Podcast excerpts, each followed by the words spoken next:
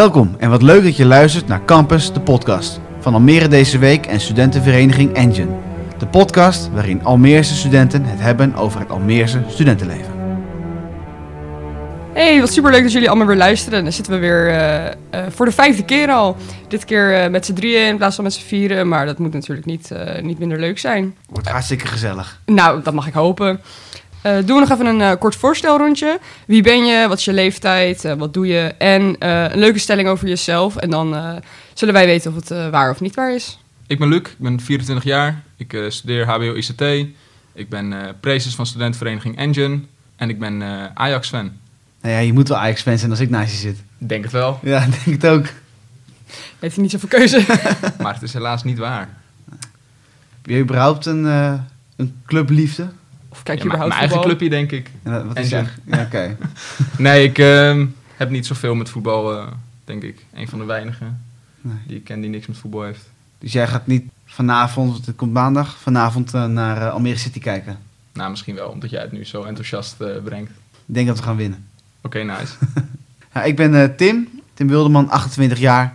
Ik ben eh theologie-student. Een stelling over mij is, ik heb dit kalenderjaar al 250 verschillende biertjes gedronken. Het zal me niks verbazen. Ja, mij ook niet.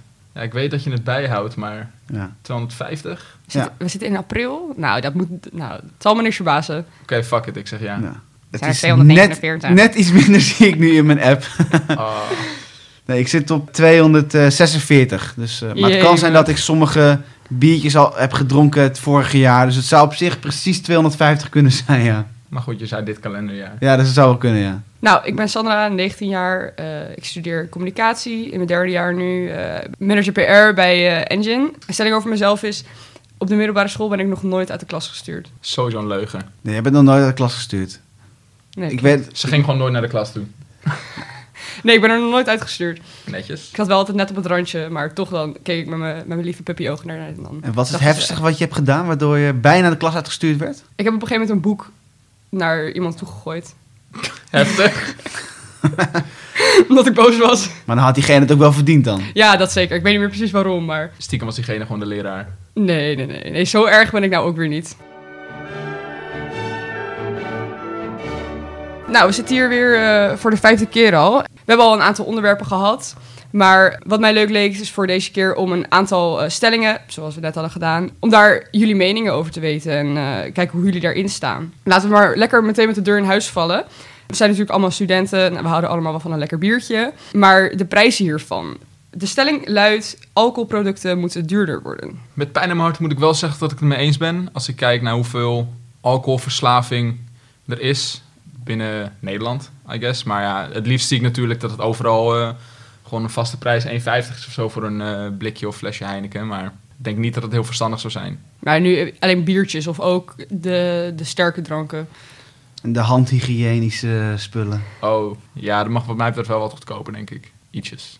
Dus alleen, alleen biertjes moeten duurder worden, maar de rest mag goedkoper worden. Is nu eigenlijk Nou, ik denk als je het een iets omlaag doet, moet alles omlaag. Dus of alles iets omlaag, of alles houden, of alles iets omhoog. Maar wat, zou, maar wat is een reden om, om de prijs van alcohol goedkoper te maken? Of tenminste om het duurder te maken? Om het voor verslaafden wat minder aantrekkelijk te maken. Dus eigenlijk om het bestrijden van, van alcoholisme. Maar Is dat, dan, is dat dan de optie? Of is het een optie om betere voorlichting over te geven? Of om Kan ook. eh, stoppen toegankelijker te Een- Een maken? limiet erop zetten of zo. Je mag zoveel per dag of whatever. ja, kan ook. Ik denk als je met de prijzen gaat knoeien, dat er wel meer mensen de dupe ervan zijn dan dat je de verslaafde de verslaving tegengaat. Dus misschien is het niet de beste oplossing, misschien wel voorlichtingen dan beter. Ja, want als dan... eh, stel mensen drinken alleen maar Heineken of eh Hertog Jan... en dat wordt allemaal duurder... dan gaan ze in één keer heel veel Schultebrouw wegtikken. ja, ik denk dat daar niemand blij van wordt. Nee, ik denk het ook niet. Maar hoe, eh, hoe sta jij er dan in, Tim?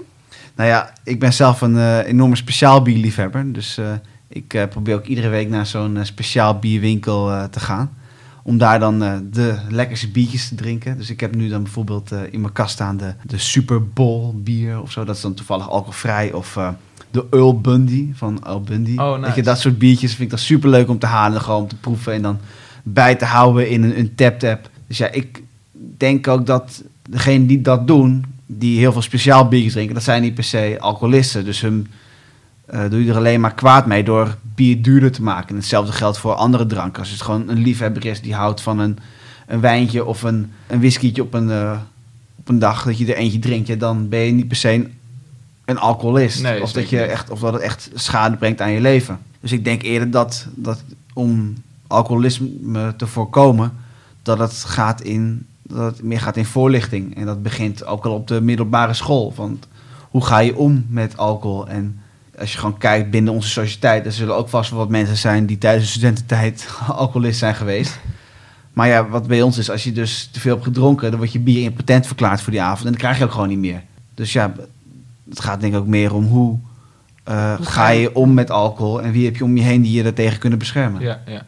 Maar is het dan ook niet een idee dat je dan kijkt, bijvoorbeeld als je tegen strijden van alcoholisme echt hebt, dat je dan kijkt naar toegankelijker maken van 0.0? Dat zou dan ook een tegenstelling zijn dat je het niet duurder maakt, niet goedkoper maakt, maar wel 0.0 misschien meer toegankelijk maakt.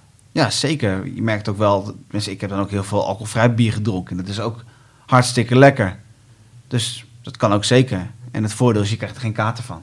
Dat is echt super chill als je dan de hele avond gewoon lekker bier aan het drinken bent. Je hebt er geen kater van. Dat is wel chill. Ik kan niet zeggen dat ik dat soort dingen meemaak. Helaas.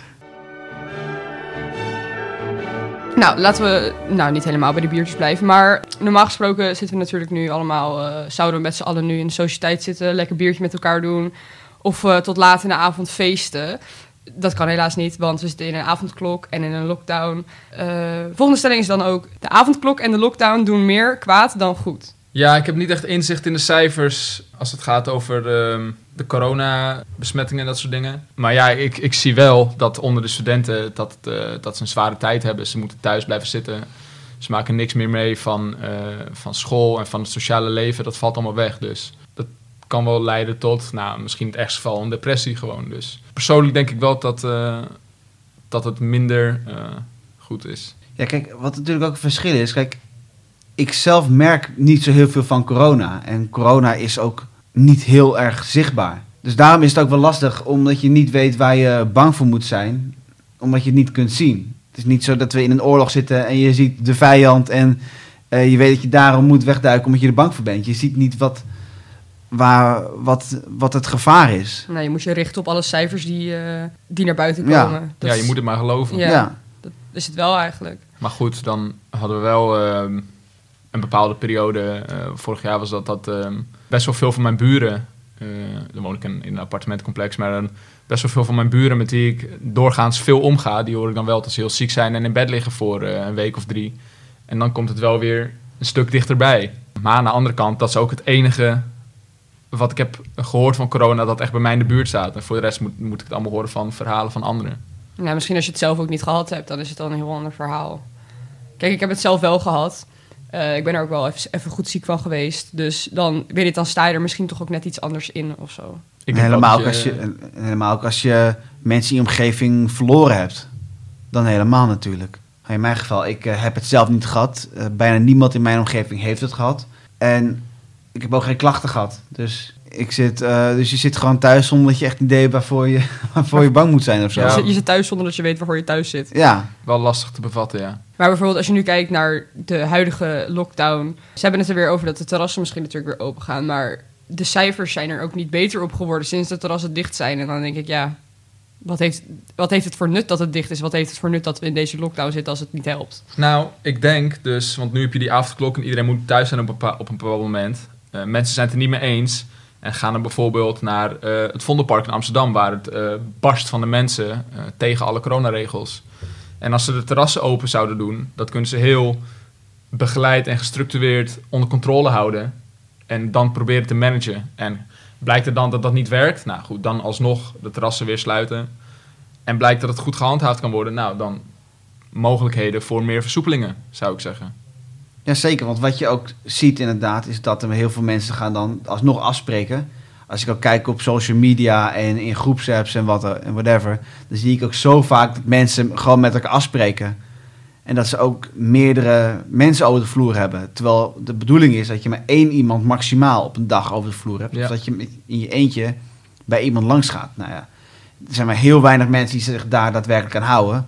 Dus je hebt je mist wat dat betreft gewoon de toezicht. En als je dus het terras opengooit en de horeca opengooit, je laat mensen weer naar een voetbalstadion gaan of naar het theater, dan heb je gewoon allemaal toezichthouders. En omdat iedereen inmiddels wel weet waarom je het doet en iedereen is, zou nu gewend moeten zijn aan anderhalve meter afstand, geen handen geven. Dus daarom zou het in principe niet heel moeilijk zijn om je daaraan te houden.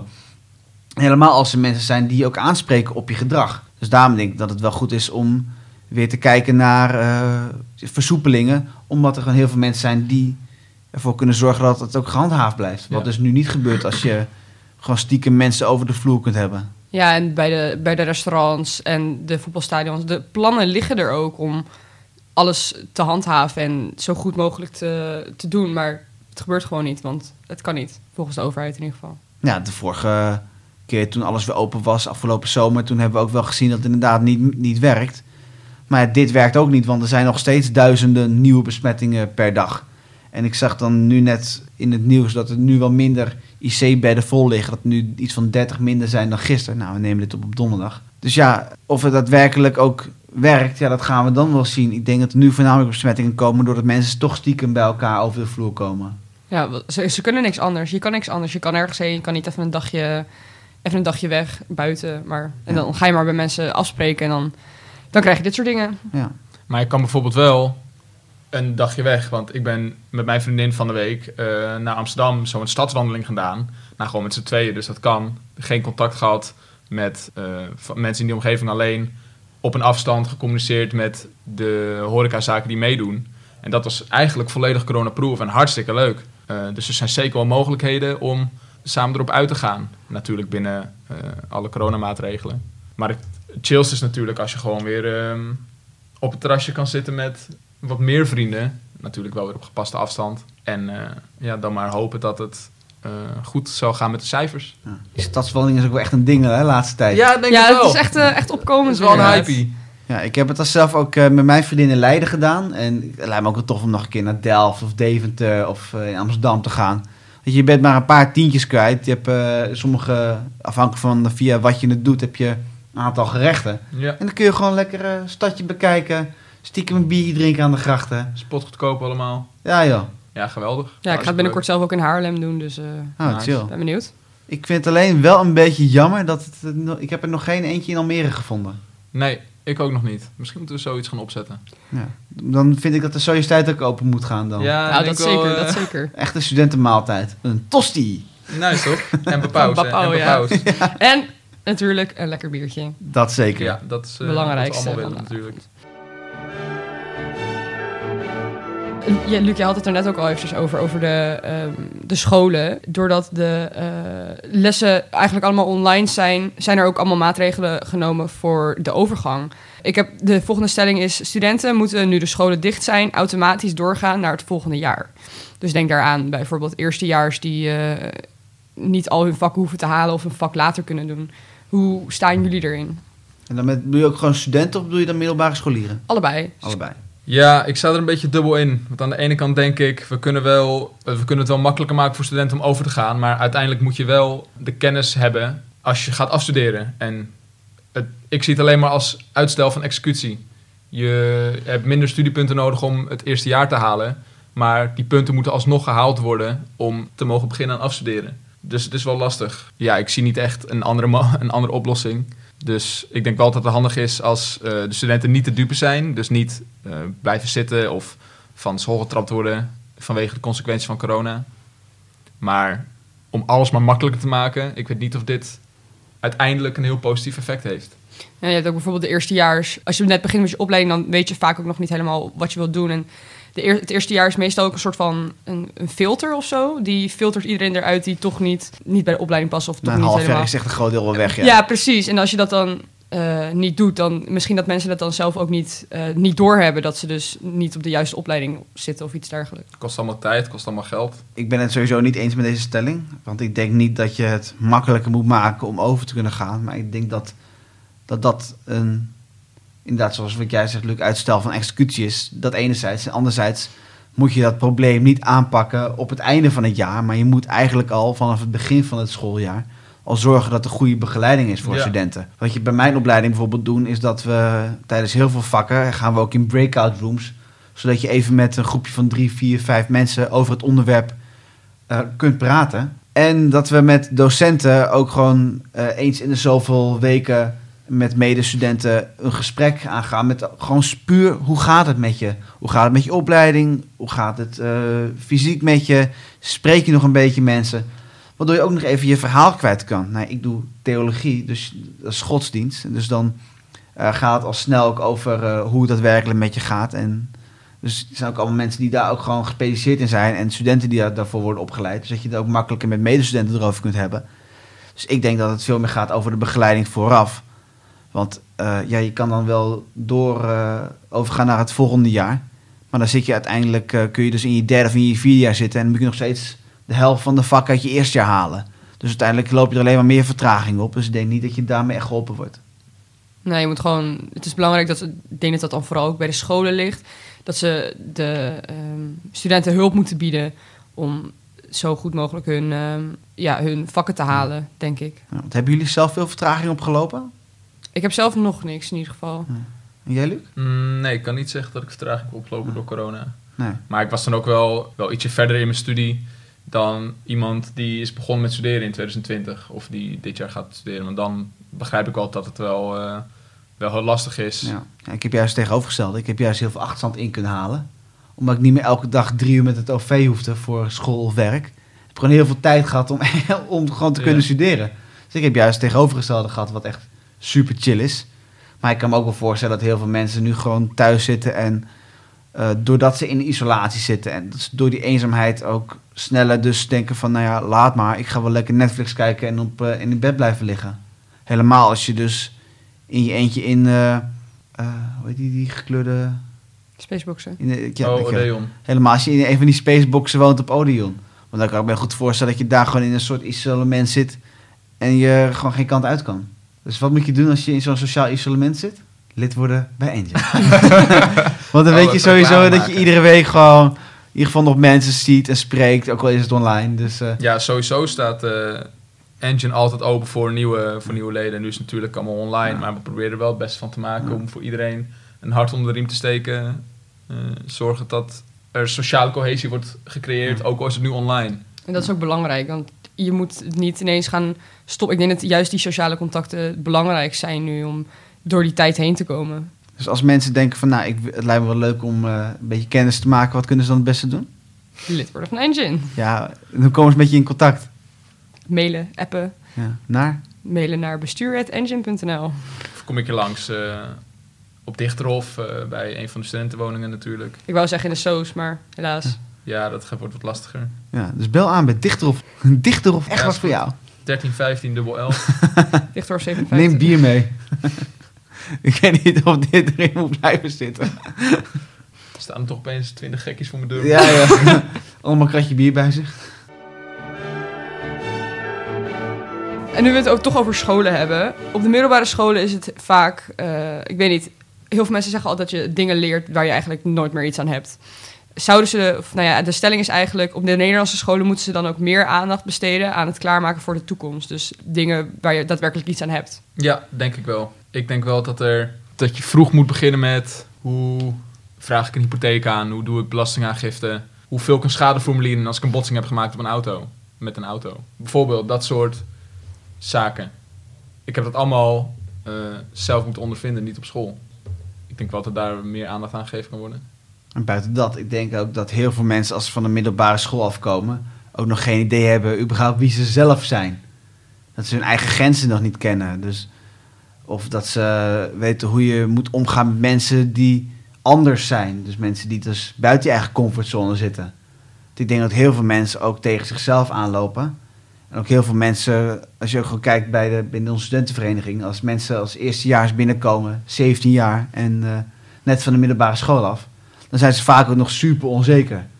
Dus ja, ik heb dat, nog niks gezien van de wereld. die hebben joh. ook nog niks gezien van de wereld inderdaad. Dus, dus hoe, kun je, hoe kun je ervoor zorgen dat zij dus al wel zelfverzekerder en meer comfortabel met zichzelf de wijde wereld ingaan? Op jezelf wonen. Weet je, heel veel, ik heb dan toevallig twee keer nog een les gehad in de tweede met eh, hoe ik een pasta moest maken. Maar ja, heel veel mensen die weten gewoon niet hoe je moet koken of hoe je, de, hoe je moet eh, afwassen of hoe je je kleding moet wassen. Ik denk dat dat soort dingen, Het zijn ook denk ik allemaal nieuw als je van de middelbare school afkomt en je gaat in een andere stad studeren of wat, eh, of wat dan ook. Ja, nu zijn dat wel dingen die, als ik voor mezelf spreek, die ik wel snel door had. En natuurlijk heb ik ook altijd eh, mijn moeder op de sneltoets om even te vragen hoeveel wasmiddel ik Ja, moet ja. gebruiken en eh, dat soort onzin. Die kleine krachtig moet hij dan tot het randje vol. maar anderzijds hebben natuurlijk ook wel ouders daarin wel een, een voorbeeldfunctie. Maar je kan natuurlijk niet verwachten dat, dat, op, dat iedere ouder daarin echt een voorbeeld kan zijn voor zijn Nee, kinderen. dan is het belangrijk dat je ergens hebt waar je wel dat soort... Het zijn ook allemaal hele kleine dingetjes Ja. eigenlijk. Die kleine simpele dingetjes. Maar toch, die... Het zou misschien wel fijn zijn als je dat toch een keertje hebt gezien of een keertje hebt gehoord. Dat zou dan de scholen een, eh, een perfecte plek daarvoor zijn eigenlijk. Ja. En als de docenten en voornamelijk de eh, studiebegeleiders en mentoren daar een veilige omgeving voor kunnen creëren, dan is het natuurlijk helemaal mooi dat ze daardoor ook gewoon groeien en, eh, en bloeien. Ja, het is gewoon belangrijk dat, ze, dat, dat je eigenlijk een soort van klaargestoomd wordt voor, voor later. Dat je niet eh, zelf overal achter moet komen. Je hoeft, niet, je hoeft in ieder geval niet zelf opnieuw het wiel uit te vinden. Dat ik denk dat het, het belangrijkste is. Het geluk is wel dat heel veel mensen, als ze bij een studentenvereniging gaan, ze ook te maken hebben met ouderejaars en wie ze dus heel veel dingen kunnen vragen. Maar ja, is dat niet vaak een stapje te laat? En helemaal voor studenten die dus alleen ergens gaan wonen, die hebben dus allemaal, allemaal, van dat soort vragen, die kunnen ze weer niet stellen aan mensen die het al geleefd hebben. Nee, het is toch een stap die je zelf moet zetten. Maar het is fijn als, het misschien, als je dat voor kan zijn. Ja. Maar zou er dan op de- middelbare scholen gegeven moeten worden in plaats van andere lessen of erbij? Ik, ik denk niet dat je het moet gaan vervangen. Maar je kan wel misschien een extra aandacht aan besteden. Dus inderdaad misschien een extra les of wat, iets dergelijks. Maar dan moet niet weer de studiedruk omhoog gaan, want zeker in tijden zoals dit is dat ook wel weer belangrijk. Ja, ik, had tijden, ik heb op Helen Parkers gezeten op middelbare school. En daar had je ook van die Dalton-weken. En dat je, kon je, in die week kon je dan ook kiezen wat je ging doen. Dus je kon bijvoorbeeld een eh, video eh, film maken of een radio eh, clipje maken. Of een reclame voor op tv maken. Of een boek schrijven. Allemaal van dat soort toffe dingen. Maar waarom wordt er dan niet bijvoorbeeld... Maar je kan ook bijvoorbeeld één zo'n dag totaal in teken stellen van persoonlijke ontwikkeling. En kijken naar dingen die je buiten het curriculum leert. Nee, je zou ook een soort van thema of zo kunnen maken. Dat je een Ja. thema maand hebt of iets dergelijks. Dat, Ja. dat er in de lessen ook gewoon daarover gepraat wordt. Ja. Ik krijg zelf op mijn opleiding krijg ik ook gewoon af en toe, af en toe ook projectweken. Of om de vrijdag hebben wij ook een gastcollege die dan buiten een vak valt. Maar dan krijg je bijvoorbeeld een ervaringsdeskundige of iemand uit het werkveld die dan wat gaat vertellen over een bepaald onderwerp. Waardoor je dus ook weer gelijk ervaring hebt met dingen waarvan je niet wist dat je het nodig had. Of dat je überhaupt wist dat het er was. En daardoor leer je dan ook weer dingen buiten de normale lessen om. Nou, dat was eigenlijk alles wat ik had voor, eh, voor nu. Dus ehm, ik wil jullie heel erg bedanken dat jullie er waren en eh, dat jullie jullie mening hebben kunnen delen. Ik hoop dat jullie het leuk vonden. Heel. Ik hoop dat de mensen het leuk vonden om naar te luisteren. Dat ook. Dat is eh, ook heel belangrijk. Tot de volgende keer. Oké, Tot over twee weken. tot volgende keer.